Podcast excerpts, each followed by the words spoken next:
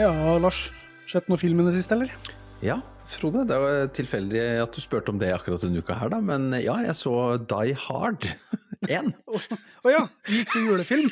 ja.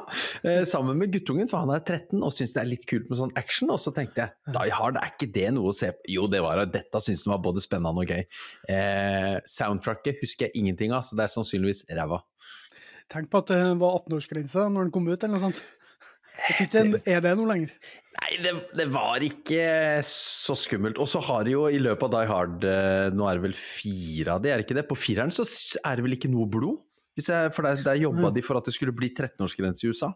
Så har måte, den har bare blitt uh, mindre og mindre skummel. Det er dølt, ass. For det, det, var jo litt sånn edgy greier der, da. Når, ja, gi oss noe blod! Og så Hans Kroba. Ja, Hans Kroba. Ellen Rickman, altså. Ellen Rickman. Åh, nydelig fyr. Jo, for å bare dra den videre, hvis du er ferdig Eller ja. du så ikke ferdig ut, men jeg skal si det, jeg går videre likevel. For jeg har en kone som er Harry Potter-head. Og jeg har jo blitt det, jeg òg, selvsagt, pga. det. Og jeg holder på å se gjennom filmene igjen, og der er jo Alan Rickman som Snape. Og fantastisk, må jeg si det. Jeg skulle til å si det, for, for, jeg ser ikke mye på film. Det kommer jeg til å skjønne etter hvert, eh, hvis jeg ikke har skjønt allerede. Og da er det jo ikke alltid mine barn ser så mye på film heller, da. Men guttungen, han sa det. 'Pappa, det er noe kjent med han'. Så sier jeg, jeg ser, ser ikke at det er Snape. ja, og så satt han og hørte litt, og han har jo den karakteristiske stemmen. Så å ja, fader! Professor Snape, altså! Plutselig dukker han opp som eh, erketerrorist i uh, i Die Hard. Ja, det er nydelig. Um, ja, det er fantastisk. Som dere skjønner, så skal vi snakke om uh, filmmusikk, eller soundtrack. Enten i film eller i serier. Vi, var kanskje ikke vi var vel eh, inne på det, men jeg har ikke rek reklamert for det i, for podkasten, at det var òg serier. Men det er litt samme ulla. Og så får dere, kjære lyttere, um, ha meg unnskyldt at det er litt hås i dag, så jeg sitter og drikker litt te og sånn. Jeg vet ikke hvorfor jeg er det, jeg er ikke sjuk, jeg er ikke noe sånt. Jeg bare Der. Så Lars, du må, du må snakke mest i dag. Eh, og jeg er jo ikke spesielt glad i å snakke, så det, det var jo veldig dumt. det var jævlig dumt. Ja, det var kjedelig. Men eh, vi skal, Lars, eh, vi skal gå gjennom uh, tre um, soundtrack, eller filmmusikker, eller hvordan sier man det i, i flertall? En filmmusikk. ja, er, nå spør du godt. det var et veldig godt spørsmål. En filmmusikk, flere filmmusikker? På engelsk er det jo score, ikke sant? Da er det ja. jo scores. Så, men i hvert fall tre hver, eh, som vanlig. Eh, og så teller vi fra tre til én. Og så får du ikke spilt av musikken, eh, som eh, du vet. Men eh, du får jo spilleliste som du kan gå og klikke inn på etterpå, eller underveis. Du kan stoppe podkasten og høre på underveis. Det går òg an, vet du mange som gjør det. Multitasking. Ja, og så skal vi ha en eh, liten ukas tips. Det tenkte jeg at vi skulle prøve å få til. Men eh, skal vi ikke bare kjøre i gang, da, vi, eh, hvis du ikke har noe sånn annet du har å Har ikke noe annet å komme med nå, altså. Ok, greit. Nummer tre. Vi begynner rett i serieland, og vi skal til norsk serieland. Og kjære lyttere, hvis dere ikke Hvis dere tenker at ok, nå skal jeg høre på Eh, Lars og Frode på, på, på podkast-lyttestasjonen min, og så skal jeg gjøre på spillelista, men så kan jeg opplyse allerede om at Tidal syns denne serien har så jæskla bra soundtrack at Tidal redaksjonelt allerede har laga spillelista med alle sangene fra serien Presten! NRK-serie 2017-2018. Bjart Bjarte Tjøstheim. To sesonger med seks på hver, vel. Bjarte Tjøstheim har en nær døden-opplevelse, slutter i Radioresepsjonen, begir seg inn på prestestudiet og blir ansatt som prest i Maridalen kjerke, i ganske landlige omgivelser.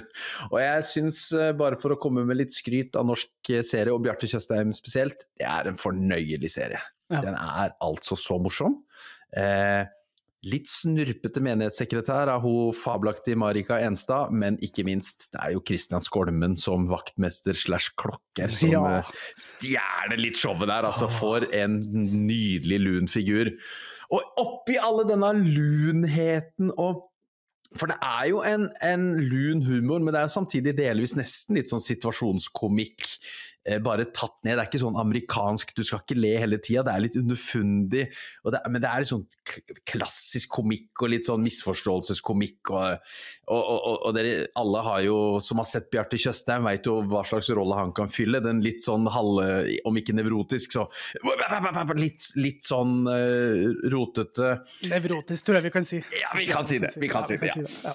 Eh, og oppi alt dette så, så, går liksom ting litt sånn sakte, og det, og det ligger ute i Maridalen, i denne landlige omgivelsen, og det er litt sånn oversiktsbilder av bjørketrær i, i mai-sola, ikke sant?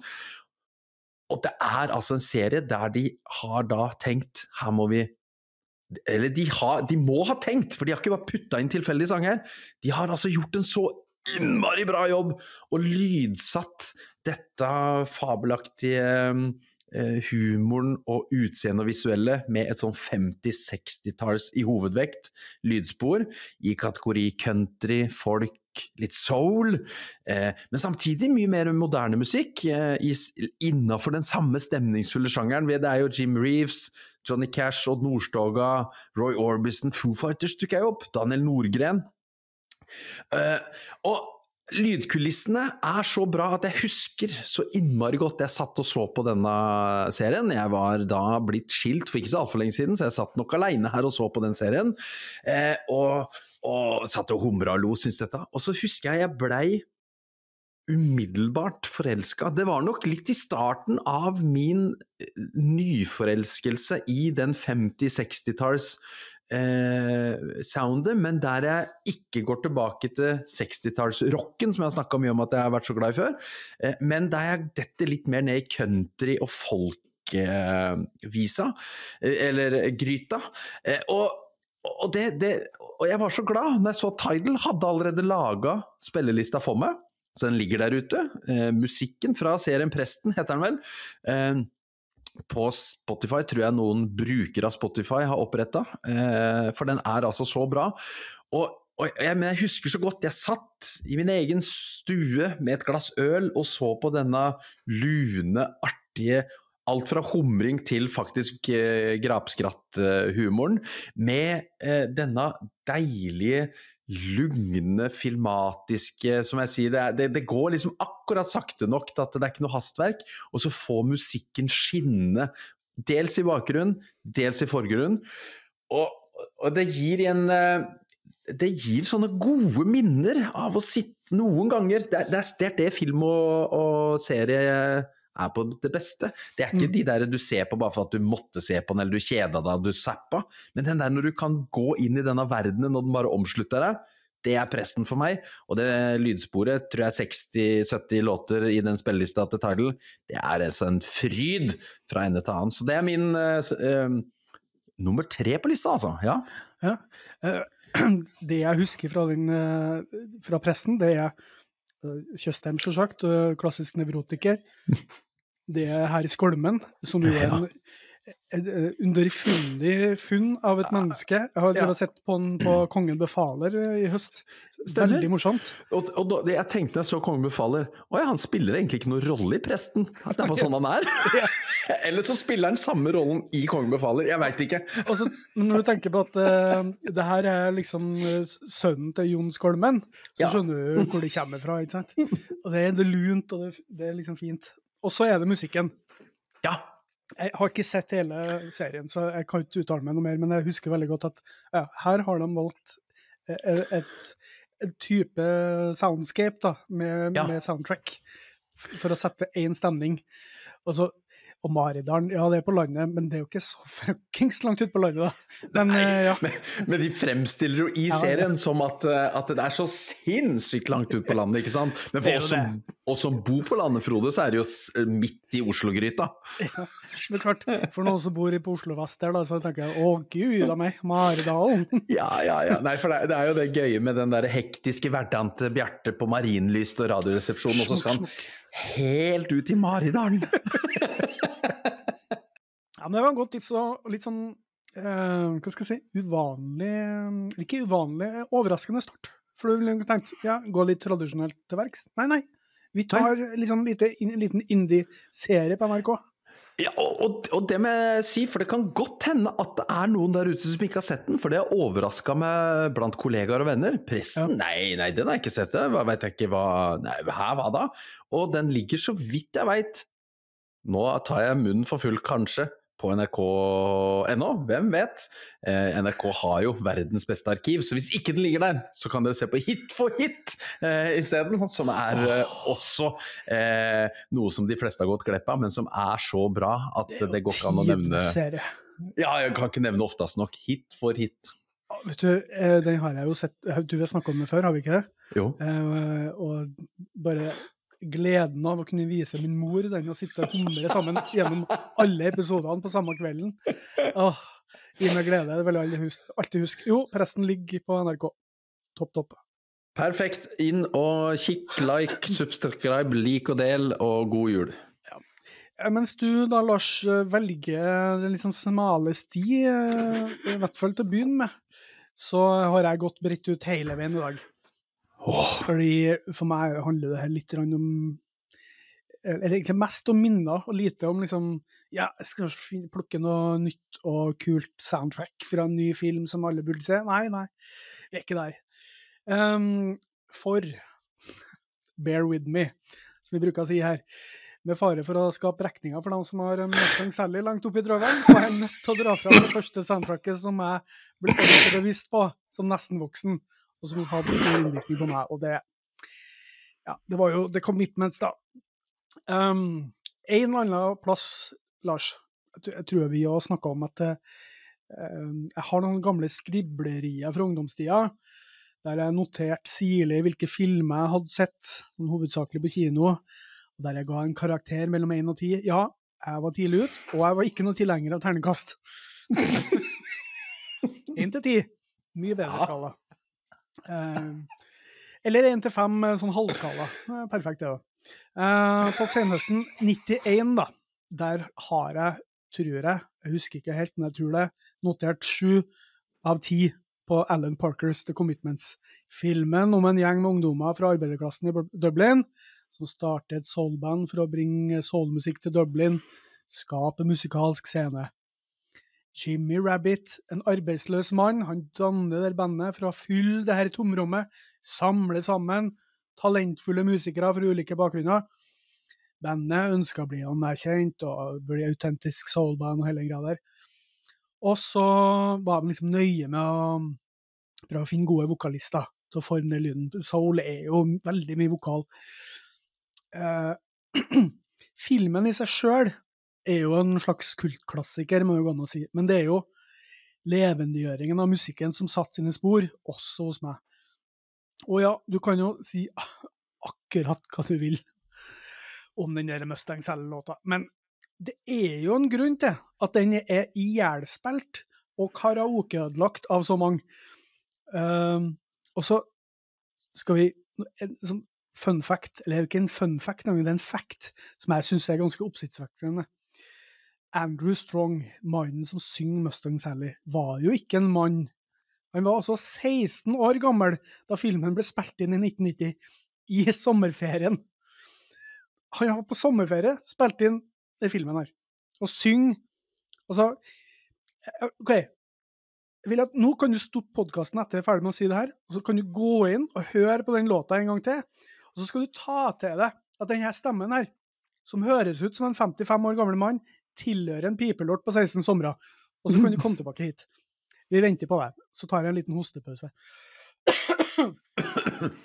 Ja. Velkommen tilbake.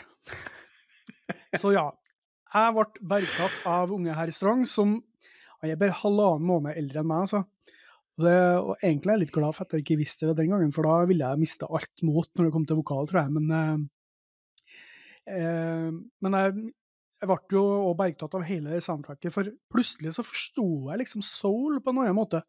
Eh, det, det ble jo tolka av noen jeg kunne identifisere meg sånn halvveis med. Vi har jo sikkert alle sett, eh, i hvert fall hadde jeg det på den tida der, sett Blues Brothers og kost, kost oss med det, da. Men eh, det var jo voksent og med veldig mye av de faktiske folka som har spilt inn musikken originalt. Eh, og så var jo det artigste at de ødela alle bilene. Eh, det var jo det artigste med filmen. Men i Commitments Jeg sang jo og spilte jo også folk på min egen eh, alder og litt eldre. Og de spilte låtene her med sånn innlevelse og musikkglede at det tok meg helt på senga. Jeg husker at jeg tenkte det her er musikk! Eh, og det var jo rett ut å kjøpe den CD-en og kose seg med den på kvelden. Eh, og for å gi litt kontekst der, da. 1991. Høsten der. Det var den høsten jeg fikk med CD-spiller, det har vi snakka om før. Jeg kjøpte 19 CD-er. Det er ganske mye, da. Åtte av dem var Van Halen-album. Jeg husker at vi har snakka om 1991-høsten, da jeg var på Van Halen-kjøret. Kom i gang med det. To var Toto, som vi har snakka om.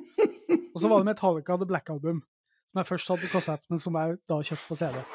Og så var det Dangerous-albumet til Michael Jackson, og så noen til. Og så var det soundtracket til Commitments. Men den CD-en der, til, til, til, The Commitments, den fikk kjørt seg mer enn Michael Jackson. Det skal jeg love deg. Um, og det var jo på den tida her at jeg på et vis lærte meg å synge òg. Um, jeg, drev, jeg satt jo på gutterommet mitt og sang med på platene jeg hørte på. Midt i huset der, med sånne tynne vegger. Så det gjaldt å ikke synge for høyt. Spesielt ikke sånn at min syngende og objektivt flinke lillesøster kunne gjøre det, for da kunne jeg jo blitt latterliggjort. Så jeg satt der og sang lavt i falsett sånn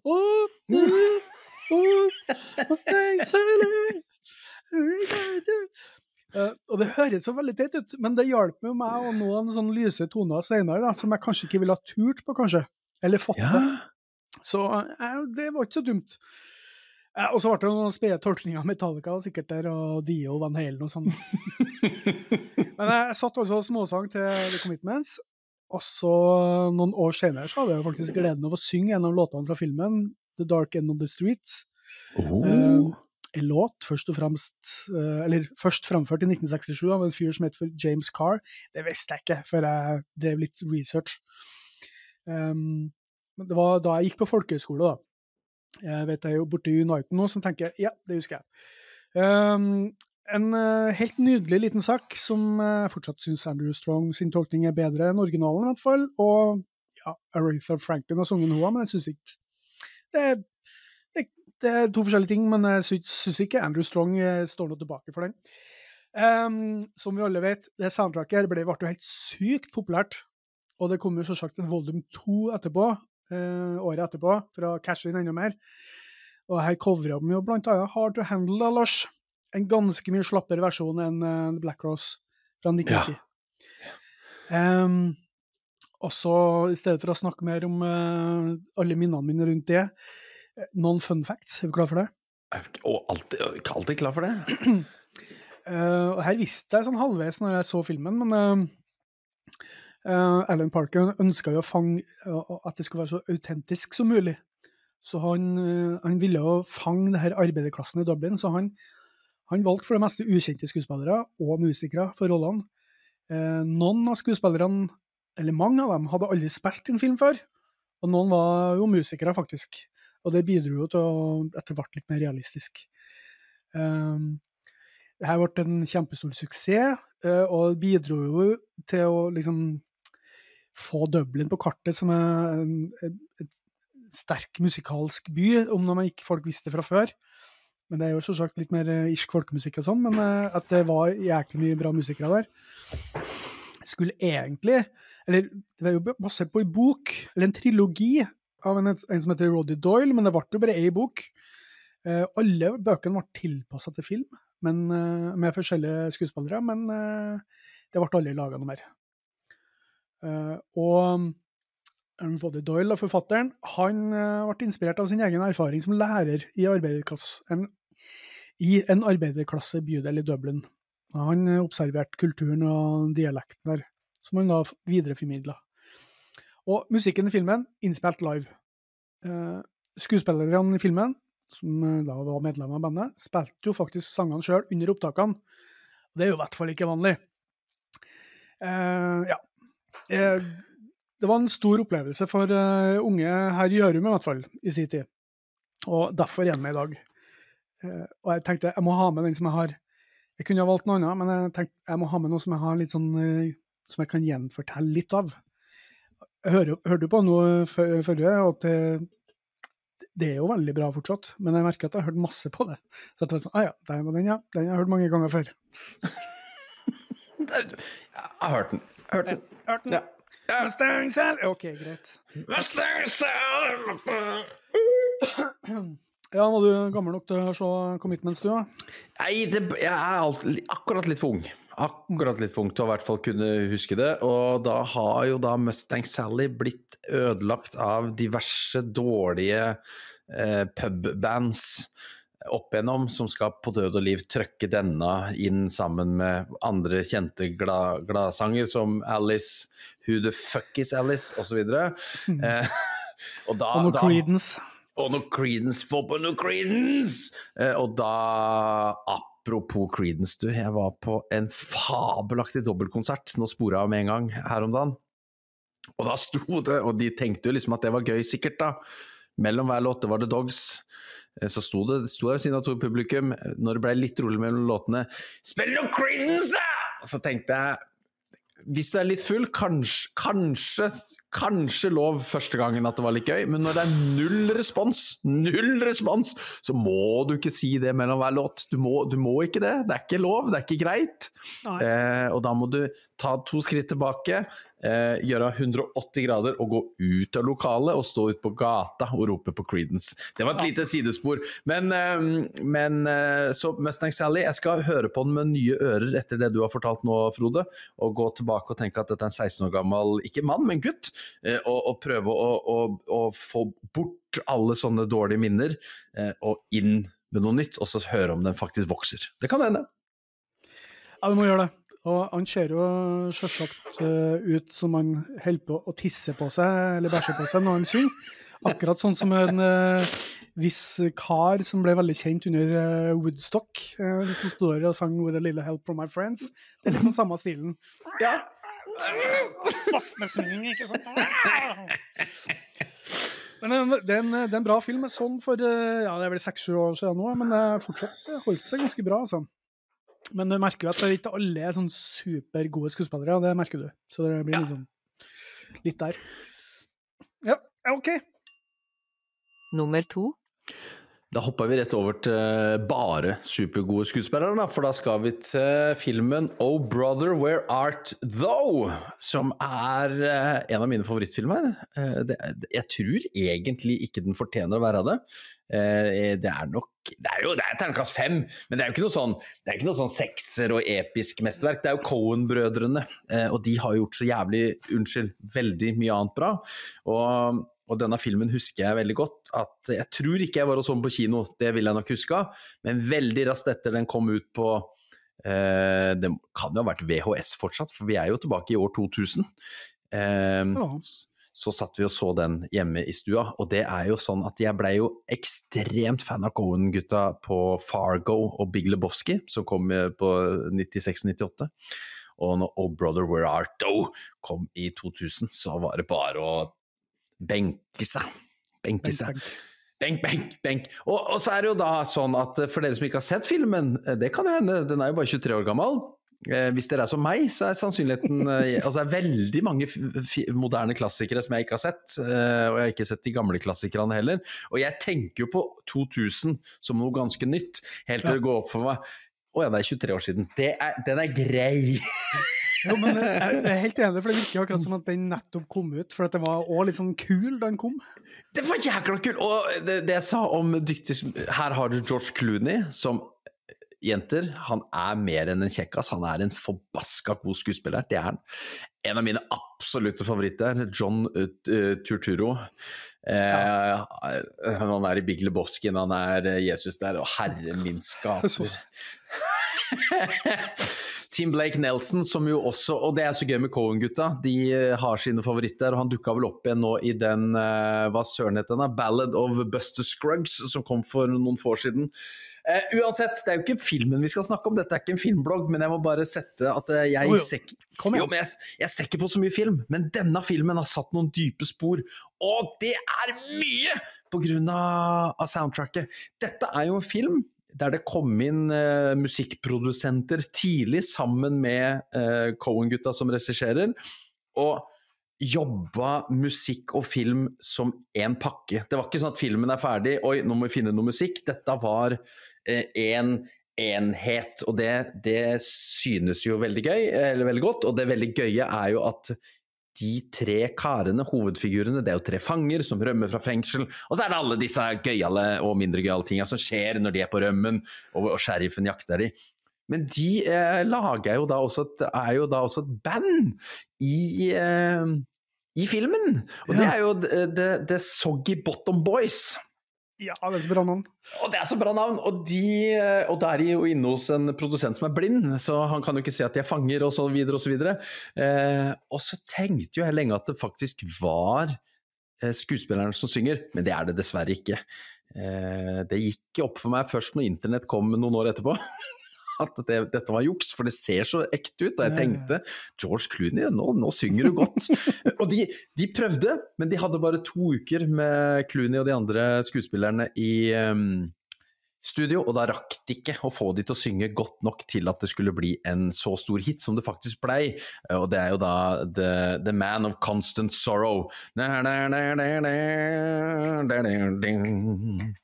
Og der har du det musikalske landskapet. Det er jo tidstypiske 1930-tallets folkmelodier, for det er der filmen finner plass. 1930, Mississippi. Um, og, og vi, har, uh, vi har, denne, hele denne folk uh, og litt sånn countryaktige, klassisk, eh, som du også kan finne igjen For mange av disse er jo, jo traditional-låter, ikke sant? Som du også finner igjen i en del cowboyfilmer fra kall det midten av 1800-tallet, slutten av 1800-tallet. Eh, fordi de er sånne sanger som går, og som er, gir en veldig sånn typisk ramme til denne type filmen. Og så gjorde de filmatiske triks. De dro jo inn et sepia-filter, sånn at filmen, sammen med dette lydsporet, blir jo en sånn opphøyd enhet. Jeg lurer på om det er den første gangen jeg har sett en film der jeg har virkelig, virkelig tenkt Oh fuck, her er det gjort en ordentlig jobb med ja, ja, ja. musikken. Altså her er ikke musikken bare litt sånn tilfeldig, her er handlinga i filmen bygges opp av musikken, og motsatt. Eh, altså her, her eh, det, er, det, er, ikke tilfeldig at uh, han, han, mannen som sitter med en gitar rundt et bål, det er liksom en, en, en, en Sangen som spilles der, er en viktig del av handlinga. Ja, ja. eh, filmen er jo løselig basert på Homers odyssé. Ja, det stemmer. Eh, ja, stemmer det. Eh, og, og, da har du også litt sånne hint, eh, musikalske hint også underveis, til, eh, til eh, litt sånn filosofi og sånt. Og det, jeg syns det er fantastisk når man har en rød tråd gjennom det hele. Eh, jeg, jeg, kan ikke si nok hvor mye du bør sjekke ut dette. og Det er nok litt likt Presten, da, så jeg har holdt meg i det litt det samme landskapet så langt. Det må jeg innrømme. Og så skal, skal, jeg bryte helt på min førsteplass, da. Eh, men her har du de gamle slavesangene som vi er så glad i, vi hvite folk. Eh, når vi ser, ja, men ikke sant, disse gamle lenkegjengene står jo og synger, eh, synger der, og du har countryen, du har bluegrassen, og så har du denne deilige folk, banjo kassegitar, leirbål. Eh, og det er bare helt nydelig. Så jeg anbefaler alle å se filmen, og jeg anbefaler alle å høre soundtracket.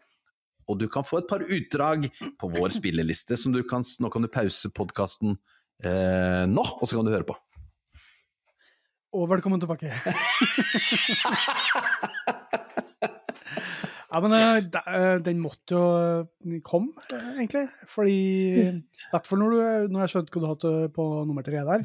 Mm. Men det er jo følger jeg på alt du sier. Det er jo både fantastisk film og fantastisk soundtrack. Uh, Cohen-brødrene er jo en av Eller kan man si én om, når de er to? Men, Nei, men de er jo en enhet alltid, ja. så de er på en måte, de er jo ikke to, de er jo én. Ja, ja. Så, men da sier jeg en av de mine favorittfilmskapere. Ja. Uh, ja. Og det skal ikke så mye til. Ikke alt de har gjort som, er sånn, som slår under bakken, men når de virkelig er gode, så er det helt fantastisk å høre på. Ja, nei, se på, mener jeg. Ja, og de har noen, terningkast seks-filmer under beltet, så Oh, derfor så er ikke denne helt der oppe. Men, men kombinasjon film og musikk er nok uh, usedvanlig god her, altså. Men uh, Lars, du som ikke ser uh, TV eller film eh, i uh, hele tatt, nesten. Har du fått med deg Fargo-serien? Nei, bare filmen, ja. Åh, du må jo det, Lars, for det er jo helt i ånden til, til Cohen.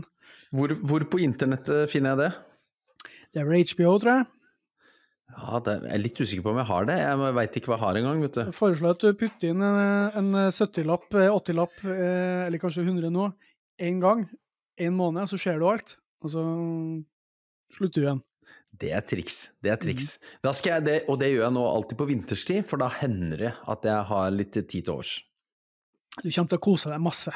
Ja, det tror jeg på, for jeg elsker jo filmen Fargo. Det er jo noe av det beste jeg veit. Eh, Helt i, Spesielt første sesongen er helt fabelaktig, og så hører jeg veldig bra om den siste som kom akkurat nå. Så jeg gleder meg til det. Men uh, Oh Brother, where, where art, where art, oh, oh, out, out, out out out out out out out out out out out out out out, oh. Yes, thank you, thank you very much. Nei, um, nydelig valg. Nydelig valg. Eh, jeg har ikke mer å si. Eh, ordentlig bra. Jeg skal bare fortsette på den du hadde der. Ikke musikalsk, men eh, kvalitetsmessig. For eh, jeg sa at Cohen er blant mine favoritter, men etter mitt syn så blir jo ikke film no, verken noe kulere eller bedre enn Quentin Tarantino, da. Enig! Ja. Så er det vel ingen som blir overraska da over at jeg drar fram soundtracket til Pulp Fiction fra 1994 som min andreplass. Ja. Unnskyld meg. Jeg husker jo ikke helt når og hvor jeg så Pulp Fiction første gang, men jeg, jeg vil tro at det var på kino. Um, tror jeg. Den hadde premiere i oktober 94 i Norge da. Og da var jeg i militæret, men jeg har jo ikke noe minne om at jeg var på kinoen i Fredrikstad og så den der, eller noe minne om musikken fra det året i det hele tatt. Så, og jeg har jo desto mer minner fra 1995 om den filmen. Og at jeg befant meg på folkeskole da jeg var hekta både på filmen og musikken, så kanskje jeg så den ikke før på video den høsten der. Det kan godt være. Eh, For livet mitt, da Jeg har jo vært innom folkehøyskolelivet tidligere, men det er en stor del av livet mitt. Livet mitt fikk jo seg en ordentlig restart da jeg dro ned til Skarnes der og begynte på Solbakken folkehøgskole. Eller, Lars, revyskolen som man i et øyeblikk av galskap i etterpå, Ja. etterpåklokskapens luksus, må jeg kunne si. Eh, de har bestemt seg for å ha revyskolen som en blanding av undertittel og hovedtittel på skolen. Jeg vet ikke om de noensinne bestemte seg for det. Det har de ikke nå lenger, da, det skal sies. Men jeg tror, jeg tror at de ønsker å skille seg ut fra nabofolkehøgskolen, storebroren Romerike folkehøgskole på Jessheim. Skolen der enhver skuespiller spirer med respekt for seg sjøl og sitt pene dobbeltnavn går før de til slutt kravler seg over dørstokken til Teaterhøgskolen. Det var jo ikke jeg ennå, da. Og dobbeltnavnet mitt kom jo en del senere, så mm, jeg var ikke der på det tidspunktet. Men det er jo det lureste jeg har gjort, kanskje. Bare det å utforske min egen sjel, personlighet og kreativitet ved å gå på folkehøyskole. Alle må gå på folkehøyskole, ferdigsnakka. Finn ut hvem du egentlig er. Lars, det er ikke for sent. Uh, Litt, litt seint er det nå. Nå blir jeg litt kleint, kanskje. Hvis ikke det er sånn onkel metoo-skole for sånn som meg. Du er singel, altså. Hell. Ja, det, det hjelper jo på. Her kommer jeg, nye klassekameraten. Jeg er bare, jeg er bare 44 og singel. Forslag begynn på folkeskole samtidig som barna dine. Sånn, eh, Klassefest! Klassefest! Drita damer! Nei, uff a meg. skrekk og gru. Uff. Men du, Lars, når du går på folkeskole, da, og spesielt når du er litt sånn kulturorientert, sånn som jeg var, da blir jo eh, alt som minner om det du går der for å lære, det blir jo opphøyd sånn i mente. Det blir så stort og betydningsfullt. Så å se en film som Pulp Fiction i en sånn formativt år, eller formative for meg, da, jeg endte jo opp med å gå, ta et ekstra år, det gjorde jo kjempesterkt inntrykk. Tarantinos visuelle stil, fortellerteknikk, humor, og ikke minst bruk av musikk, som vi kommer tilbake til. Det vil jo prege enhver person som ser de filmene hans. Men når det kommer til hans magnum opus, Pulp Fiction, så sitter det jo ekstra godt. Vi i 1994-1995 vi hadde jo ikke sett noe lignende før. Det var jo så mørkt, så morsomt, så stilfullt, så intelligent og farlig. Alltid farlig i Tarantinos verden. Og så var det lekent. Musikken er lekt seg med de prinsippene òg. Det var jo nytt og gammelt om en annen. Rart, skrudd, fengende. Og ikke minst kult, akkurat som, som filmen. Det var altså så kult! Det er jo fra Dick Dale, da. En del Tones. sin låt 'Mr. Lou', som, eh, som er Det er jo som kjenningslåta å regne den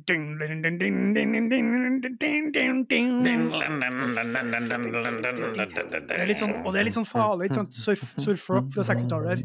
Litt sånn OK, det er litt sånn drama på gang, og veldig kult. Og så har den klassiske dansescenen mellom Uma Thurman og John Travolta. Chuck Berry, You Never Can Tell. Og så er det funky og ultrakule Jungle Boogie med Cool in the Gang, pun intended. Uh, og så til Urge Overkill sin moderne og rare, vridde Girl You'll Be a Woman Soon. Oh. Kombinert med evige sitat som Samuel L. Jacksons fremføring av Esekiel 2517. Altså, det er jo så perfekt på så mange vis. Og nå har jeg jo tenkt lenge nå, at jeg skal se Pulp Fiction igjen. Men nå tenker jeg kanskje at det blir sammenheng med at han uh, nå i u, snart, snart skal gi ut det han sier blir hans siste film, The Movie Critic. Da tror jeg i hvert fall at i forkant skal se meg gjennom de ni foregående filmene hans. Så at det her blir um, Det er noe jeg liksom ser litt fram til. Kanskje ser jeg tidligere, jeg vet ikke. Så det her fortelles jo basert på minner og følelser, gamle følelser. Eh, jeg kunne sikkert gått gjennom hver enkelt låt og sånn, men det er den derre stemninga av um, Altså, det, er en stor lapskaus, det, her, det her soundtracket her. Det som med liksom, Det er en potet der, og en chili der, og det er en gulrot der, og det er noe spicy kjøtt der. og så, altså det alt mulig rart, men så sammen så er det liksom en distinkt rett. Og det er så tarantinosk som det bare går an. da. Um, jeg tror ikke mange vil argumentere imot min påstand om at soundtracket til Pulp Fiction er blant tidenes beste, om ikke det beste. Ikonisk er det i hvert fall. På, helt på lik linje med filmen. Um, fun facts, Lars. Vi tar det. Ja. ja.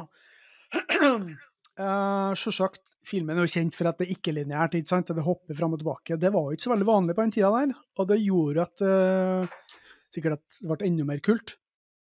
Status.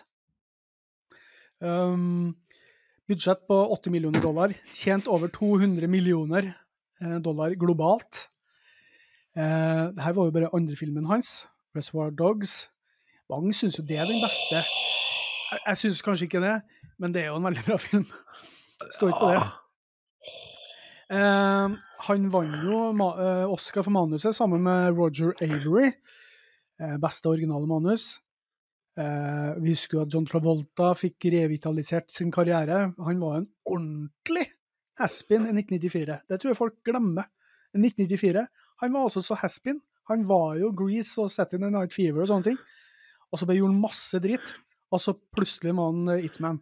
Det er litt sånn stedet. Var det denne rollen som fikk han til å ytterligere pike karrieren sin med Face Oh yes. Virkelig.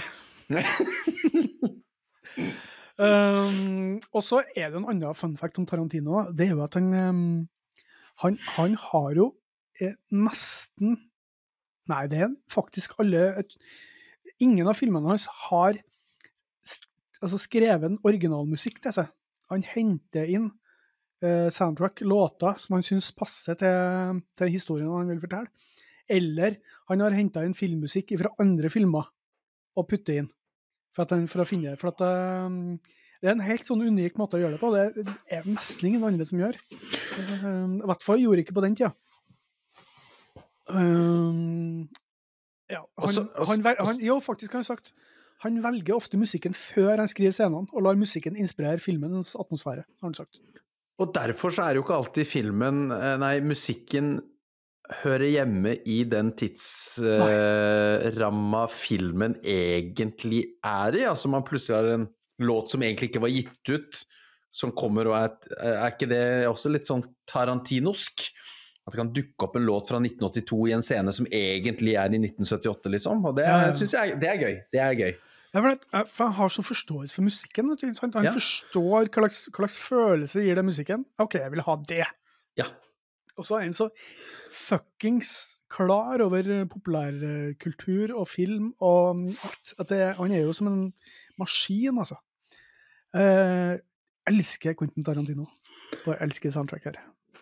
Eh, hvor mange ganger måtte du se filmen før du fullt ut skjønte alt av de hoppingene, og at alle trådene sydde seg sammen til at du forsto den fulle sammenhengen? Nei, jeg tror jeg forsto det ganske med en gang, altså. You're a brainiac. Jeg husker jeg, jeg på en måte Jeg forsto hvor gammel var du da du så den første gangen? Tolv? Nei, det, jeg så den jo idet den kom, da. Det er jo, eller nesten. Eh, men, men jeg tror jeg måtte se den tre-fire ganger før jeg fullt ut Altså, jeg skjønte jo de forskjellige men, men det måtte noen runder. Og det er jo en av verdens beste filmer i mine, mitt hode, altså. Jeg kan ikke, det er, den er altså briljant. Topp fem for min del, altså. Ja, ja. øh, Det skal ikke så mye til å være verdens beste. Jeg har bare sett fire filmer, så det er klart. så det er jo egentlig bare å ikke komme på sisteplass, så er du på pallen. Ja, jeg, tror, jeg tror jeg vet at du har sett uh, seks, fem Ja. eller seks filmer. Ja. ja. Ja. Det, jeg har nok det. Jeg har nok det. Jeg har, ja, jeg har sett alle tre Ringenes herre. Da har du tre der, ja. Ja, ja. Det er sant, det. F åtte, da. Det er så kulturell, Lars. Ja, ja, ja. Eh, nei, men et fantastisk valg, Frode. For den, den, den måtte jo med. Den Ja, måtte ja, ja. med, For det, det er mest ikoniske film eh, og mest ikoniske soundtrack. Og det som flest, i hvert fall på vår alder, og eh, gjenkjenner jo med en gang når disse låtene kommer på. Eh, vi begynner jo å danse med, med klippesaksa foran øynene. eh, og vi, vi, det er jo det er jo sånn vi fører tilhørighet, vi gamlingene som har sett denne filmen eh, noen ganger. Jeg tror, jeg tror kanskje det er vanskeligere for eh, ungdommen å skjønne hvor kul den filmen er, eh, på samme vis. Jeg har litt lyst, for når vi er ferdige etterpå, jeg har tid til å se noe Jeg tror jeg har lyst til å se den i kveld, fordi at den, den eh, Jeg antar at den holder seg jæklig godt også, for jeg kan ikke huske at det er noe sånn veldig Det litt Eh, tidløs. ti- Ja, for den er veldig tidløs, ikke sant? Eh, og det soundtracket er jo super eh, på, på en måte tidløs, som du sier. Den, det, det sparker jo alle retninger. Jeg jeg har lyst til å se den filmen. Ja, gjør det. Gjør det. Ja, det, det er en kjempefilm! Eh, for, for at det er jo litt sånn, egentlig når du ser filmen, så er det litt sånn vanskelig å skjønne når foregår det. For det der altså, Ja. Mr. Jackson og Travolta han ser ut som de er fra 70-tallet. Eh, Ja, helt rett. Og det er liksom twisting contest. Det er jo, det er jo 50-60-tallet. Ja, Bruce Willis kommer rett ut av Die Hard. Det er jo Jøss, er du her òg? Ja, for han er jo mer helsetrøya si, skal du si. Ja, ja! Tanktoppen. Det er, det er det han er. Så at det er, ja, eh, helt sant. Det var egentlig bare kanskje henvisning til prisen på burgere i Nederland og ellers. Det er Kanskje det. Løp Big Mac. Åh. Ja, nei, nydelig. Det er nydelig. Ukas tips. Ja, jeg har bare et lite, lite ukas tips. For um, min uh, kjære, hun tok og um, sendte meg en link fra adressa her uh, i helga. Og så sa hun her, er- her er sikkert noe for deg, Frode. Eh, Og så var det Så så er det jo sånn at eh, hvis man leser Adresseavisen, da, eh, regionens største avis, eh, så er det ikke sånn at eh, kulturjournalistikken der har jo gått nedover eh, i, i takt med at eh, penger brukes på annen kultur, og det kjenner man jo igjen fra andre aviser og utgivelser. NRK, Ja. eksempel. Ja.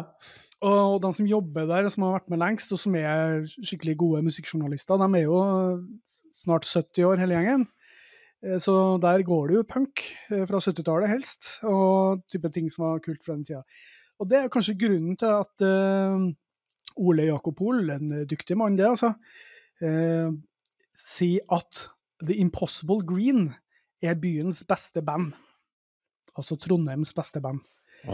Eh, og jeg syns jo det er for det første en drøy påstand å komme med, når de ikke har gitt ut en plate engang.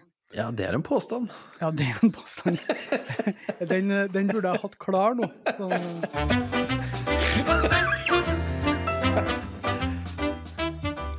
ja, det er en påstand.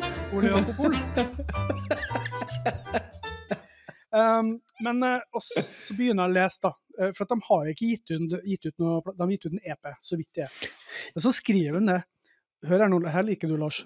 Ja. Trondheims mest spennende band har alliert seg med Brynjar Ord fra El Cuero og Spider-God. Og Oh. han står som produsent for neste års album In Technicolor. Og det har vi høye forventninger til. De blir ikke mindre etter å ha hørt en ukes tid på denne kontante singelforsmaken, melodiøs gitarrock med delikat orgel. Og her er jo ordentlig 70-tallsstil på de greiene her. Så jeg, jeg måtte gå inn og høre, da. Eh, og låta heter um, Carnivorous Arms. Carnivorous Arms. Det blir kjøttetende armer, er det det? Ja. Det er en artig tittel. Men det, Lars, der må jeg faktisk følge adressa i hvert fall på at det her er veldig bra. Jeg kan ikke uttale meg om byens beste band, men det er en ordentlig fengende, deilig produsert låt med en gitarriff som sitter med en gang. Altså sånn vennlig gitarrock. Der er det sånn mild, litt sånn softrock-aktig, Ja. litt sånn Eagles eh, Du skjønner, den Ja, ja, ja, ja, ja, ja, ja, ja, ja. Å, det satt bare midt i, i øregangen der. Og melodien og hooket sitter igjen etterpå. Så jeg måtte oh. høre den en gang til etterpå. Og, den, Oh. og han eh, vokalisten her, som ikke aner hva han heter, han synger altså så bra. Liksom veldig sånn, eh, sånn ærlig og genuint og åpent og ganske lyst, men sånn han liksom gir på. Du hører at han er ganske ung, men likevel så er det liksom modna nok til at det blir litt sånn god klang på det. Uten at det blir flinkis. Så jeg likte det veldig godt. Og så hørte jeg litt på de andre låtene, og det var bra det også, men eh, jeg liker nok den låta her aller, aller best. Så det er mitt Det er et varmt tips fra Adresseavisa til meg, eller fra Adresseavisa til kona mi, til meg, til dere og deg.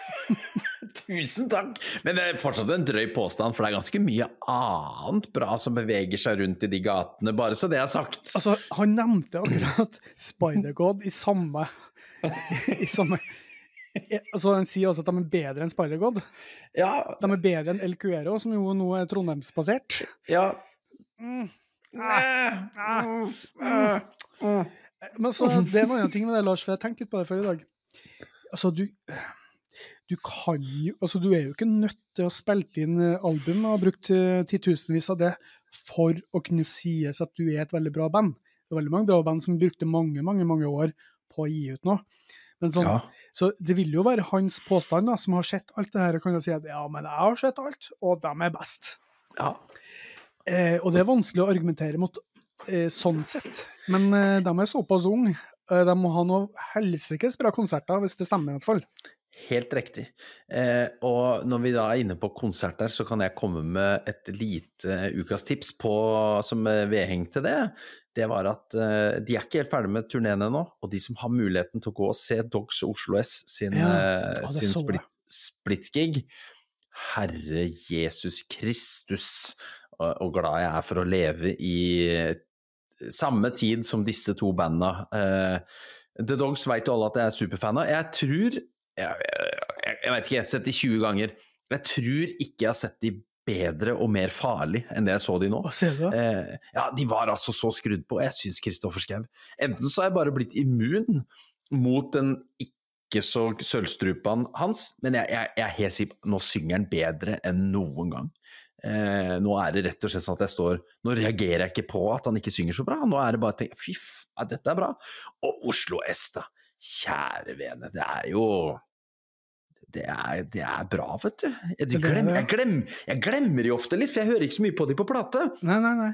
Eh, men live, for et jækla fyrverkeri, altså. Ja.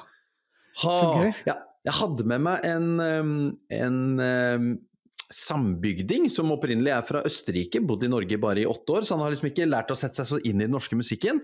Eh, tok han med. Han hadde liksom hørt litt på Oslo S, for guttungen hans eh, liker Så han hadde hørt liksom fire-fem Oslo S-låter, de mest kjente. Ja. Aldri hørt på The Dogs før. Og jeg sa du må bli med på konsert. Jeg, jeg kjører, ta det med ro. Ja, ja, ja. Og tok han med meg. Og han, han eh, det var, så, det var jo fornøyelig å snu seg og se på han. Eh, han hadde altså aldri hørt The Dogs. Han hadde hørt, rekkehørt liksom to, to runder av ti minutter i spilleren, liksom, før vi kom inn. Ja. Og, og allerede fra første låta, Kristoffer Schou, som han pleier, hoppa ut blant publikum eh, første låt. Og han sto liksom i samfulle 1 time og 15 eller hvorfor noe de er, og bare måpa og, og var faktisk opp med arma og bare han, Og han sa, han sa det bare etterpå. Ja, det, det her er jo helt sykt, sa han. Eh, og da sa jeg det var gøy at du kunne være med, vær, så- vær så god. Onkel Lars veit hva han snakker om. Jeg kan litt om, mus jeg kan litt om musikk, da, vet har du. sånn egen podkast og greier. Jo, men det er så gøy å ta med folk som ikke har Ja, hørt ja. noe, og så Det er jo beste. Ja, og så blir de altså blåst over ende av begge banda. Fantastisk. Men Lars, det er jo derfor vi holder på med det her. Det er jo, Ja! akkurat, det er jo derfor vi vil eh, liksom påvirke og få folk til å høre Hør, hør hvor bra det er! Hør hvor bra det er! Og ja, og du trenger egentlig ikke å like musikken, men hvis du vil ha en energipille av dimensjoner, Ja. gå og se den splittgigen med de to banda. Ja. Eh, det, du, du, hvis, blir du dårlig i humør av det, da har, da har det, da, er- There's no cure for cancer, sang de vel en gang, og det, det stemmer jo. Det, da, da er ikke jo ja, da er, kan jeg ikke kurere gruffet ditt, altså. Hvis ikke du kan bli i glad eh, stemning av, eh, av den eh, kollektive masserunkeringen det blir inni det der. Jo, men det blir en sånn der Og det var masse kvinner der, og alle, alle runka alle, og det var så god stemning. Ja, det var kjempe... Ja, det var helt Og det er så gøy med sånne konsertopplevelser, og at jeg er klink edru og får alt med meg, det liker jeg, framfor å være full og ikke egentlig huske så mye av det likevel. 20. desember, Rockefeller. eh, neste konsert. Vær der, eller vær klovn. Eh, jeg, jeg må få med meg Dogs eh, snart nå. Jeg skjønner. Du må det. Du må det. Du må Eh, det. siste tipset, ja. Sånn minitips. Det er at, du vet jo, Lars, vi har jo snakka om før at jeg har litt sånn anstrengt forhold til pressemeldinger som sendes til oss og sånn. Ja. Og generelt. Både å skrive dem og ta imot. Men det kom altså tikka en liten, en liten mail her, her som jeg ikke videresendte til deg, men som jeg burde ha gjort. Fordi det er et band som heter Sleepkicks. Eh, vi fikk en før helga, eh, som eh, har gitt ut en singel som heter Sawdust. De skriver at de er litt lei seg for at de ikke heiv seg på i tide til å bli med på band på S-spesialen vår. Å, det, å, det selger seg godt inn! Da har de gjort researchen. Jeg liker jo når de ikke bare sender noe generisk, men faktisk Ja. henviser noe. Eh, håper dere lager en, låt, eh, lager en låter på S i løpet av en ikke uoverskuelig framtid. Keep up the good work. Det liker vi. Takk skal dere ha. Og det, og det gjør jo da, Lars, at jeg faktisk gidder å trykke på den eh, Spotify-lenka Ja. til låta 'Sawdust'. Og jeg, må si eh, det var ganske lovende greier. Det er jo indie-rock-land. Jeg tror du kan like det, Lars.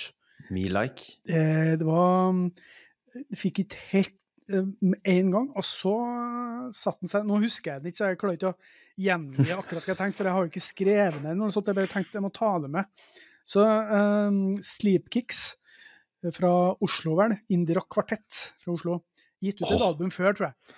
Uh, uh, låta 'Sawdust'.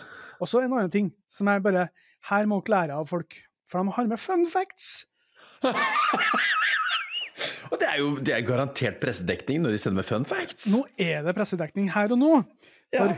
arbeidstittelen på låta var 'Longskate'. Fordi bassist Steven kom opp med riffet og grunnlaget for låta mens hans sønn var ute og skatet lenge. Og enda bedre fun fact, den tighte massive trommelyden, det kan jeg ikke uttale meg om, for det har jeg ikke lagt merke til, men uh, ifølge musikere så er det en tight og massiv trommelyd, som skyldes delvis at trommene er spilt inn med Queens of the Stone Age-metoden, der man spiller inn symbaler separat, slik Dave Grohl gjorde på Songs for the Deaf. Syns jeg er en god fun fact. Det går jo rett over huet på meg, men det er en god fun fact. De ga ut sitt debutalbum The Afterrop i mars, i mars i år, ja vel? Ja vel. Er Ja vel. Rekker de å bli med på årets album? Vet ikke. Ja, Ikke hvis du er en del av Spotify-menigheten, for der har jo årslistene kommet forrige uke. Men for oss som lar året faktisk gå ut hele desember, så er det håp! Nå skal, vi, nå skal, jeg, nå skal jeg lynhøre, og plutselig så har vi noen inn på lista der, altså. Vi må ha. Ja, det er en påstand. Ehm, jeg har jo lagt ut en video. Eh, bare, vi må bare summere her opp det fort. Spotify kommer med Spotify Wrapped siste dag av november og sier at nå er 2023 ferdig. Her er alt du hørte på i 2023. Og da sier jeg det er november. Jeg har ikke hørt på alt i 2023 ennå. Hva er greia med det? Hva er greia med å, å pakke inn året 2023 i november? Altså, jeg blir altså så sint! Det er så håpløst. Nå sprenger jeg mikrofonen. og alt her. Men altså, det går ikke an. Det går ikke an. Og vil det da si at eh, det jeg nå spiller i desember, det telles ikke med noen gang? Eller blir det med for 2024? Og hvorfor i så fall? Hvorfor kan man ikke ha det 31. desember? Hvorfor? Jeg, er, jeg har ikke noe godt svar, for jeg er jo 100 enig! Det er noe forbanna vrøvl! Og det er jo ikke eneste som gjør det. Apple Music gjør det òg. Jeg vet ikke hva Ja. Tidal, jeg håper Tidal holder seg til 31. desember. Men Ja, det, her de er jo, altså- det her er jo samme greia som årslistegreia. Det er jo samme greia. Eh, Jeg bruker jo til å høre på podkast, så bruker jeg Pocketcast. De prøvde seg. Eh, This is your, your, your eh, year wrapped in podcast. What the fuck, skrev jeg tilbake, eller hylte eller noe. De hørte ikke på meg. It's only November. Fordi at det er jo helt meningsløst. Jeg har en måned igjen med pod... Og, og faktisk i jula, da har jeg ofte litt tid til Ja. å høre på en del musikk. Ja, nettopp! Og det er da vi satt og panisk hører på all musikken vi ikke rakk. Helt rett. Alt jeg har merka i løpet av året, dette er potensielt årets album, årets låt, og da må jeg nilytte, for da vet jeg Ja. at oi, shit, nå skal vi snart spille inn en sånn her årets Og et annet poeng, det er både årsliste og det greiene her. Eh, For eksempel, nå har Peter Gabriel Han ga ut plate 1. desember. Han blir ikke med på noen liste, han. For han ga ut 1. Desember. Men det er kanskje Peter, eh, Peter Gabriel. Han er ikke så interessert i sånt uansett. Nei, Og han selger kanskje godt inn mot eh, jula, da, vet du. Eh, Så han tjener pengene men han driter i listeplasseringa. Ja, men eh, Jeg aner ikke om det er bra, men eh, han har venta ti år eller en sånn med så ja, eh, det var dagens, det var dagens rant. Egentlig burde den ukas påstand komme etterpå at jeg er ferdig med å rante, men eh, sånn er det med den saken. Åh, det var deilig. Nummer én. Da skal vi fra bitre, sinte menn som eh, klager på de store, eh, stygge ulvene, over til en ordentlig glad Et, et ordentlig glad soundtrack. Eh, dere som har hørt på oss mer enn tre sekunder, veit at Lars Berg Holtan, han er glad i grunge. Lars Berg Holtan han eh, fant grunchen tidlig 90-tall, og da er det ingen bombe for dere som er glad i helt mediokre terningkast fire svak fire filmer, at filmen Singles med sitt soundtrack er nødt til å stå på førsteplass. Og drit nå i den jævla filmen, for den er Det er eh, Med unntak av at det er jo reelle scener av Alice in Chains og litt ymse annet som spiller livemusikk Mudhoney i filmen. Og noe av det, merk dere det, de ga ut sånn deluxe singles soundtrack. Der kom faktisk, for de spilte live for å lage filmscenen. Sånn at der kom liveopptaka med på altså det de gjorde for å filme scenen. Jeg blei med på deluxen. Men uansett, blås i filmen. Det er eh, noe kjærlighetstjafs fra eh, Bridget Fonda løper rundt og skal finne kjærligheten. Det er Generasjon X-opplegg. Men handlinga ligger til Seattle tidlig 90-tall. Filmen kom i 92. Eh, og det soundtracket, dere, det er det er, det, er he, det, er, det er hele grunnmuren til Lars Berg Holtans uh, musikalske interesse som står stabla opp. Eh, det som ligger ute nå, har bare 12 låter, men det originale har 13 låter. Vi har altså, vi har altså Alice in Chains, vi har Pearl Jam, vi har Chris Cornell, vi har The Lovemongers, som egentlig er uh, søstrene Nancy og Anne uh, som fra Heart, som har bare lagd et sånt lite sideting. Og Nancy var vel gift med Cameron Crowe, som er filmens regissør på den tida. Så fikk det litt facts der også. Det er Mother Lovebone, det er Soundgarden, det er Mudhoney, det er Paul Westerberg, eh, og det er The Smashing Pumpkins, og det er Screaming Trees. Altså, det er jo hele lerretet av grunge tidlig 90-tall og seint 80-tall. Og jeg, jeg, klarer ikke å uttrykke hvor bra jeg syns dette er. Og det som er så kult her, da, er jo at uh, Pearl Jam er jo med i filmen som bandet til Matt Dillon sin karakter, som er da vokalist i Citizen Dick, som de heter, det, det bandet. Og de er liksom med i et par scener der. Som sagt, de er på klubb i, i Seattle, og der står plutselig Alice in Chains på scenen. Uh, og, og, det er jo masse referanser gjennom hele filmen uh, til grunchen, til denne bevegelsen, kall det det. Eh, og, og, fra filmen Jeg husker jeg så filmen, eh, husker ikke så mye av filmen, men soundtracket sitter jo altså eh, Det går ja, det går ikke an å beskrive det. Nå får jeg overtenning, glemmer hva jeg skal si. Eh, terningkast svak fire på filmen, terningkast seks, eh, meget sterk på, på soundtracket. Um, og et par av mine favoritt-Pearl Jam-låter eh, er jo faktisk på soundtracket. Det er jo da litt sånn eh, State of Love and Trust og, og Breed, som er eh, fabelaktige låter som ikke kom med på de første albumene til Pearl Jam, som dukka opp i denne filmen, eh, og som seinere har blitt live-favoritter hver gang de eh, de spiller! Og det er fantastisk. Nei, dette er vi har snakka om eh, beste soundtrack før, da nevner vi ofte, ofte Judgment Night, og så slenger jeg alltid på singles, for de er en grunge-gutt, og dette er den hellige gral for grunge-gutten. Dette er singel-soundtracket, og det er alle som liker grunge, får stjerner i øynene. Eh, og så må jeg nevne en liten fun fact der også. Når, The Lovemongers spiller eh, eh, eh, låta eh, si, som, som, da heter The Battle of Evermore, så er jo det en Led Zeppelin-cover. Yeah. Og Led Zeppelins original er jo en sånn mandolin variant, men når The Lovemongers gjør dette, så er det en, det er en livetagning. Og den er altså, den legger jo det er, det er, ikke ofte du kan si det, den legger altså Led Zeppelin i pennalet og vel så det. Og det er ikke så ofte man kan si, eh, men det er altså søstrene Søstrene Ann og Nancy Wilson heter de dette navnet. Jeg måtte slå på internettet her. Ja, ja. Eh, som er da Heart, men som da lagde The Lovemongers en liten periode på 90-tallet. Ohoi. Eh, nå fikk jeg utløsning, eh, Frode. jeg hørte det. ja. For øvrig, det, det, det er Heart-jentene, skal du si, mm, damene. De, ja. Du har jo sett Stairway to Heaven-versjonen deres? Selvfølgelig. Eh, de uh, Hun ser jo litt ut som et troll. Ja. ja kan, hun ser litt ut som et troll der hun kommer, men det er, det er en voldsom stemme. Ja, og sykt. stemning. Ja. ja. Uh. ja. Jeg beklager. Jeg, jeg, skulle sagt masse mer, jeg bare forklarer ikke. Det er, eh, men dette betyr så mye for meg, denne musikken. Og det, det, betyr så mye for meg å få lov å sitte her og fortelle om den. Jeg er så glad for å få muligheten.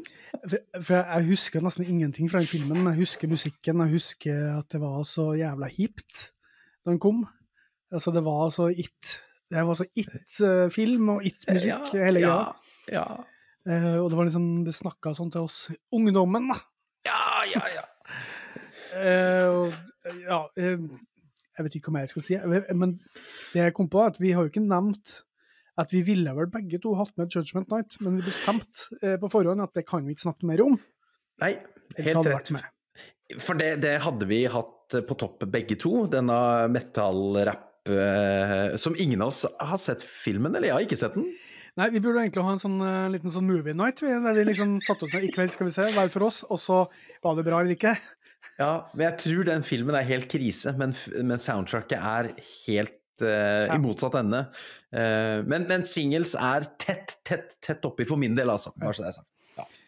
ja, det her er jo uh, grunge, og da er det jo litt utafor min rekkevidde. Selv om jeg fortsatt liker grunge, så er jo du ekspertisen, og som har hørt ikke 100 mer på, for eh, det blir så mye mer at Men det er ganske mange titalls prosent mer enn meg på crunch. Par-tre par, timer i hvert fall mer. Hørte ganske mye på Nevermind, altså. Jeg gjorde det. Men er det grunge? Ja, det er grunge, ja. Okay. Men og her kommer det en sånn eh, Kaste en liten brannfakkel. Ja. Men er det Nirvanas beste album? Det må du svare meg på. Ja, det, ja, det er det. jeg tør ikke å si noe annet. Jeg tør ikke å si noe annet. I hvert fall det Eh, mest betydningsfulle. Ja, men noen av oss syns at Inutero, som kom etterpå, er eh, Nei, men Nevermind, det går ikke an å si noe annet enn at det er best. Men det er, eh, det er gøy. Det er gøy hvis jeg, hvis jeg er litt full og har lyst til å, å Provosere. ypp- Yppete bråk. Da tar jeg på meg advokatjakka mi, og så Ja, jeg syns Inutero er mye, mye bedre. Er mye mer sånn uh, Nevermind, det blir liksom litt sånn mainstream, alle liker det, men Inutero er liksom deepcatsa. Der naila. Den naila du. Jeg har møtt den fyren der. ja, han som, han som Faen, jeg har en halvtime til jeg skal gå hjem. Jeg må, off, jeg må lage noe stemning før jeg går hjem. Han, han er ofte på øya. Ja, han er på øya. Å ja, du, du har ikke hørt den der uh, tidligere utgitte singelen som kom der uh, Nei, det kommer som B-side, den på den der som kom i 82. Fy, f- har du ikke hørt den? Da er du ikke fan. Altså, jeg hører ikke på musikk etter år 2000, jeg. Eller motsatt. Jeg hører ikke på musikk før år 2000. Jeg leser ikke internettips. Det skal stå i en uh, ordentlig blekke jeg har kjøpt på Narvesen for 119 spenn.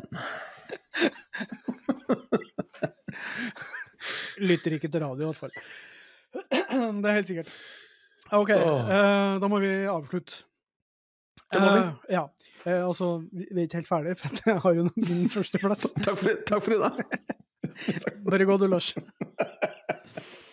OK. eh, nå, eh, nå er jeg litt sånn Litt skjelven av mange årsaker. Men i desember 2001, Lars, i en mørk kinosal i Gullbring kulturanlegg i Bø i Telemark, på verdenspremieren, så sitter jeg der og skjelver av glede, opprømthet og spenning. Det er helt mørkt. Og filmen begynner. Så Det er helt, helt mørkt. Og så kommer det her. Bare gi det litt tid.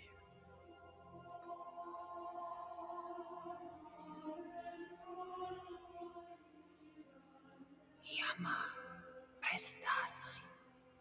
The world is changed. I feel it in the water. I feel it in the earth. I smell it in the air. Much that once was is lost. For none now live who remember it.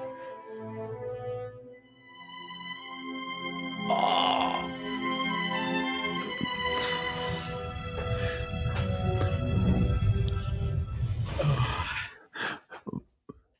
Ja, Hadde, hadde du målt nøye nå så ikke vi blir saksøkt? Ja, jeg, jeg regner med at det går bra, så det er såpass dårlig lyd og langt unna.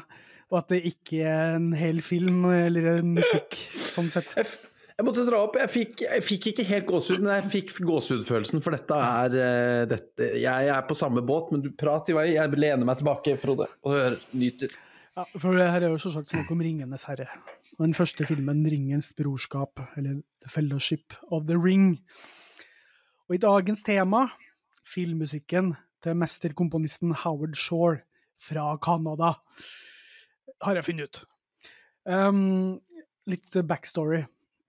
Jeg leste jo 'Hobbiten' eh, da jeg var 15 år, og jeg fant den i bokhylla på, på Abra, Grong sin egen bokhandel, da jeg hadde utplassering der.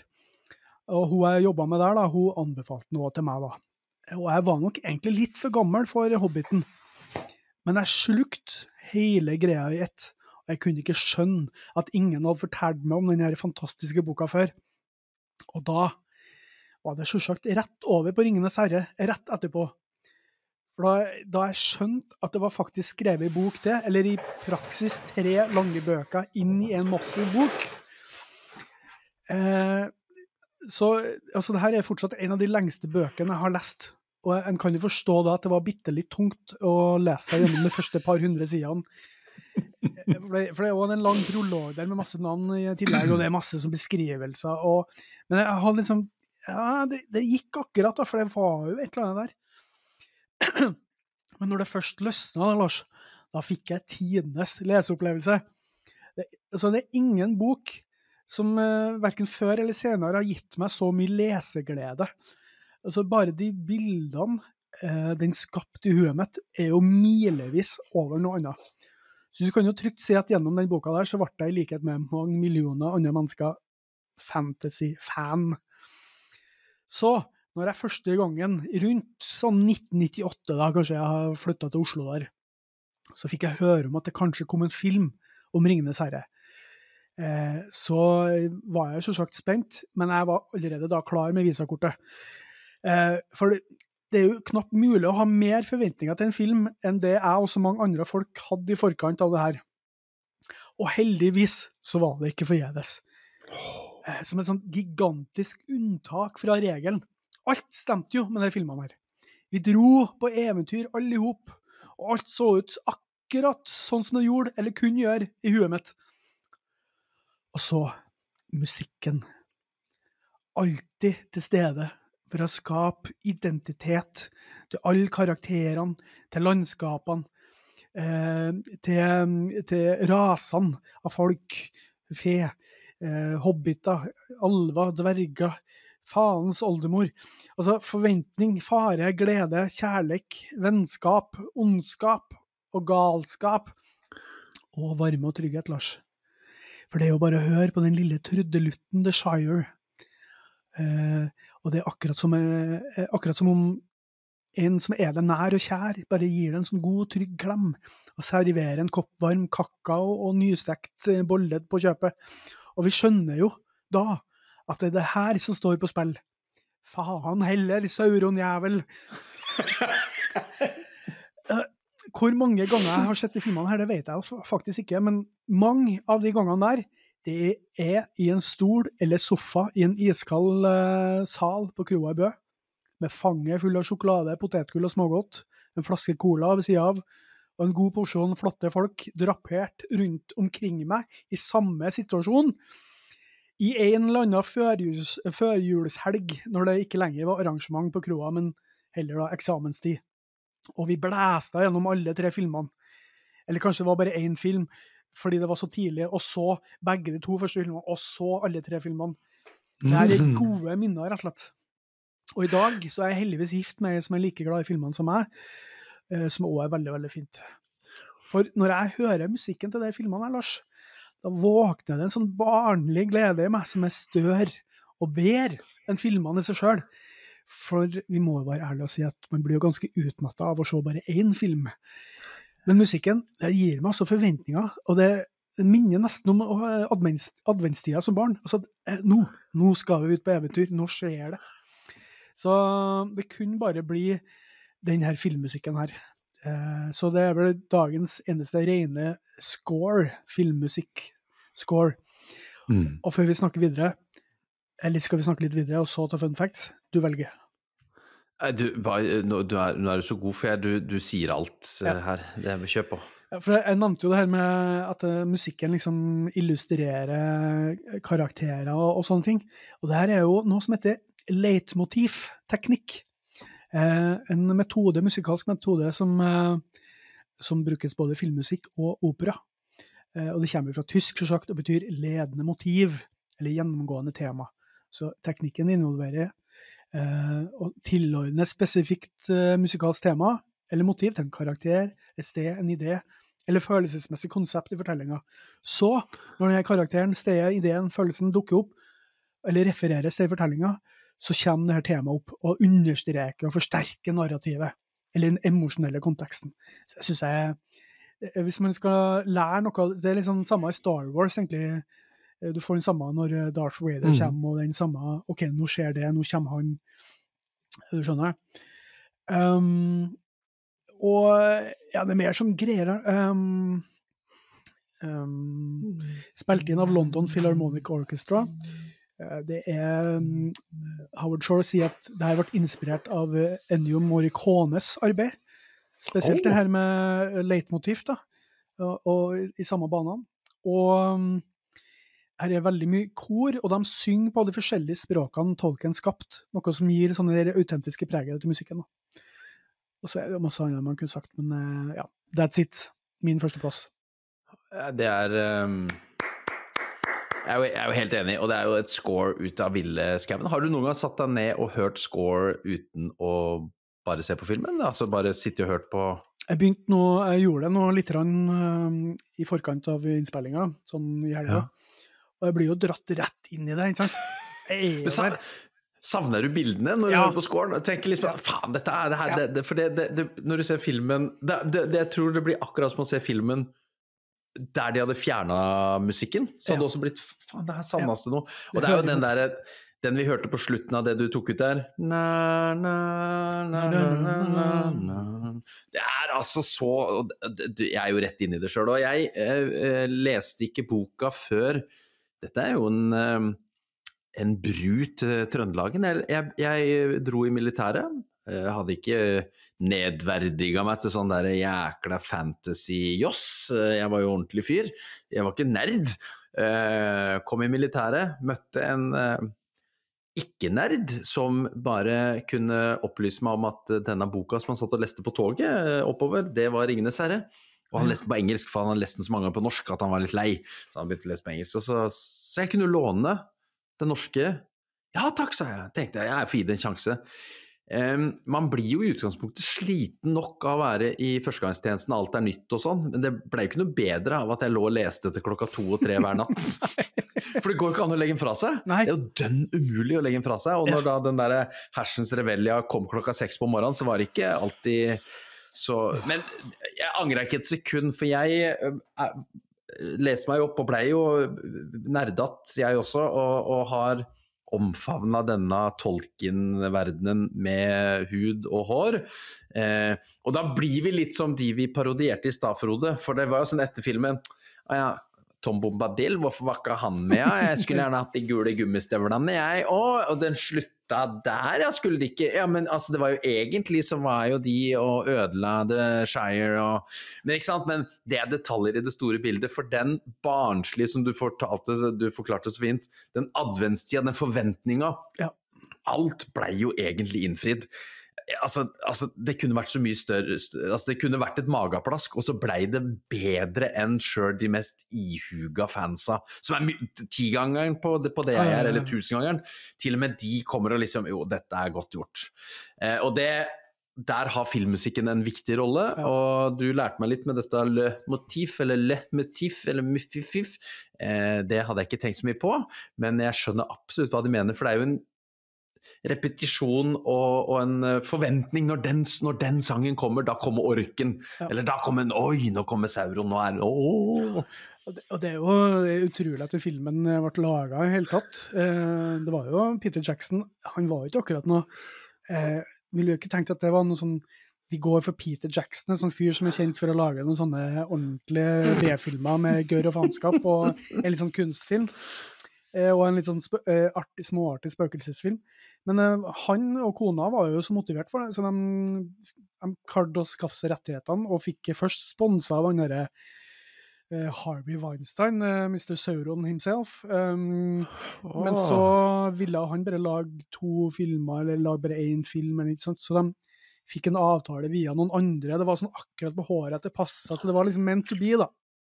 Eh, så det er jo ingen andre som kunne ha laga det, som har turt å gjøre det. Du må være litt sånn smågæren newzealender for å få det til, tror jeg.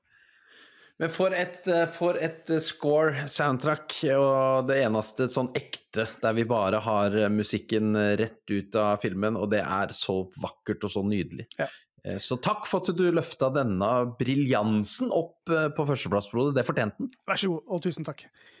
Eh, våre kjære lyttere som fikk eh, sånn et par timer på seg til å respondere på Facebook og Instagram på det vi skal gjøre. Vi må, vi må bli flinkere til det her, Lars.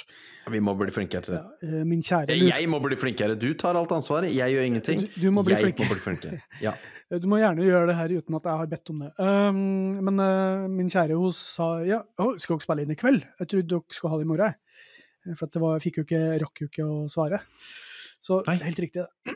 Men jeg ser i hvert fall at Britt Stine har skrevet på Instagram at hun ville ha hatt med Fifth Element. Altså, eh, Det er en sånn snedig inngang, for det er jo en av de kuleste filmene jeg vet om. Eh, Kultklassiker, det òg. Ikke minst pga. Gary Oldman.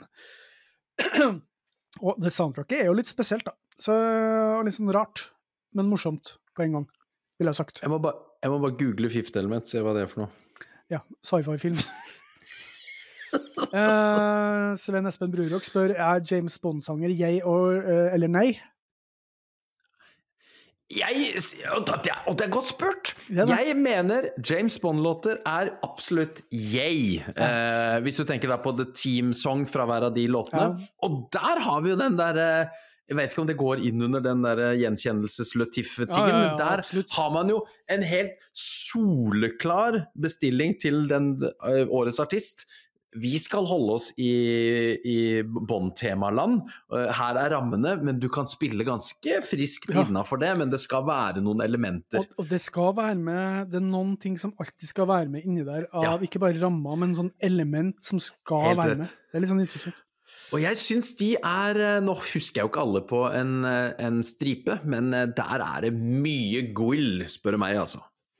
Og har du ikke sett uh, Fifth Element, forresten, så må du den. Um, Har ikke, har ikke sett den. Da har du en sjuende film å se. Uh, han sier òg Alfie.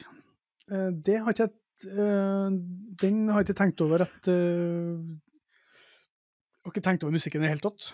Det er jo en 60-tallsklassiker. Eller er det den nye? Det må jo være den gamle, han mener. Jeg må bare dobbeltsjekke. Nei, den Det er den nye. Original songs performed by Mick Jagger and Dave Stewart, ja. OK. Ja, det høres jo greit ut. Eh, OK. uh, hvor mist, nå mista jeg rekka her. Der. Caroline Wroldsen sier 'Trainspotting'. Det er jo en kandidat, da. Det er en kandidat. Den, hadde, den har jeg sett, eh, og den har gått meg litt hus forbi. Men der har du jo et par clubbangers fra gamle dager som Vi har jo nevnt de så vidt i forbifarta i noen andre podder, men ja. ja! Bra, Caroline Wroldsen. Bra. Og så sier jo Svein Espen igjen 'singles', da. Det var det han begynte med her. Selvfølgelig. Så det er ingen andre som har rukket å skrive noe. Så det må vi veldig beklage. Men sånn er det bare. Vi spiller jo inn her på en tirsdag kveld, og det er litt, eh, litt tidlig i uka. Det er litt Og og det beklager jeg, for jeg skal nemlig av sted i morgen på et flomsenkingsmøte her på Øyslebø. Og jeg bor i flomsona og får ikke lov å gjøre noen ting. Jeg får ikke lov å tenke på å slå inn en spiker i huset mitt. Så det, derfor tenkte jeg det er greit å gå og høre hva myndighetene mener om, om dette. Om vi skal senke elva litt, da, vet du. Og før eh, du skrur av podkasten, vi er ikke helt ferdig eh, Ikke du, Lars. eh, Du skrur ikke av podkasten, men du som hører på. Eh, Jeg, jeg bare har en liten bobler som jeg egentlig hadde inne på lista før Oh. jeg tenkte Commitments. Eh, Fordi Commitments har jeg litt større minner med. Men Lockstock Lock, and Two Smoking Barrels, Guy Ritchie-filmen, der er det mye kult der. Er ikke Guy Ritchie ganske god Jo. til å putte inn fete låter i eh, Er, er han litt sånn Quentin Yes. Light-type der? Yes, han er akkurat Ja. det han er. Det er bare at han har litt mer sånn eh, Han har litt mer actionprega filmer, at det går litt fortere generelt, så han har litt Stemmer. mer den type ting. Men her er jo mye deilig James Brown og eh, Jeg tenkte jeg skulle si noe om Ja, det er så hås, altså. Um, det her um, Altså, det er noe sånn eh, Hva heter den låta igjen? Eh, Why Did You Do It? Med bandet Stretch, for eksempel. Som jeg eh, ikke for så veldig lenge siden så på YouTube, for det er jo en sånn 70-tallsband. Det er jo be, og de høres ut som en sånn kul uh, gjeng med afroamerikanere fra Chicago eller et eller annet sånt. Mm. Nei da, det er liksom bleike, rare britiske folk som står der og ser litt rart i kamera og spiller så kult! Uh, så det Men det ble ikke med. da. Lock, Stock and uh, Two Smoking Barrels. Det er en av de kuleste filmene og en av de kuleste soundtrackene ever, spør du meg. Helt rett, og det, det, er også en god gryte å falle ned i Guy Ritchie-gryta på, på, derfor at Snatch eh, det er gode, gode, det er gode saker, altså. Det er det. Jeg hører at du har skrudd på og sett få filmer, men du har altså sett den, og du har sett Guy Ritchie, så du vet hva vi snakker om. ja, ja, er, underdrivelsen er en del av det ja, ja, ja. Nei, jeg har sett, men jeg, jeg, jeg har Jeg ser veldig lite film, og det er ikke fordi jeg syns det er kjedelig å se film, men jeg, jeg bare jeg, Nå sitter jeg da med Marnardal IL, jeg er håndballtrener, jeg driver med frisbeegolf, så tida bare flyr, og da blir det liksom jeg, Det er ikke alltid jeg føler jeg har to Og filmene har blitt så lange nå om dagen! I gamle dager så hadde jo en komedie det 1,20 ferdig med det, ja, ja. akkurat som vår podkast, men nå er det liksom blitt sånn som Nå er det blitt sånn to og en halv og tre timer og sånn, jeg har ikke tid til det. Altså det her, Nå strekker vi denne tida di maks, vi. Nå må jeg holde på i en halv time. Så at, uh, vi ja. skal jo avslutte. Uh, så da høres vi neste gang, Lars. Da høres vi neste gang, Frode.